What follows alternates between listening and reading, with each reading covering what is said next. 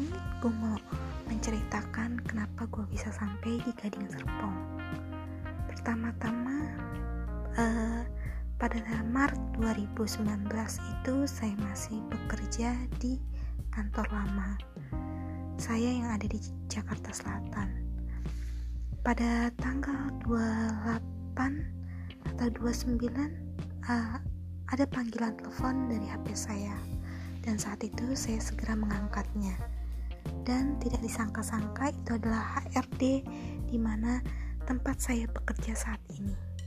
Beliau menanyakan apakah saya bersedia untuk di hire oleh perusahaan tersebut dan saya menjawab bahwa uh, saya bersedia kala itu dan saya tidak memikirkan jangka waktu padahal saya belum resign di kantor sebelumnya saya mempersiapkan waktu untuk uh, resign dari kantor saya yang lama.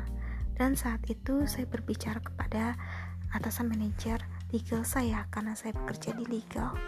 Dan saya berkata bahwa saya ingin resign karena saya mendapatkan pekerjaan baru. Dan di saat itulah atas saya, atasan saya berkata bahwa kamu perlu memperhatikan beberapa aspek seperti kamu apakah kamu bisa nantinya di tempat di tempat yang baru kamu bisa melakukannya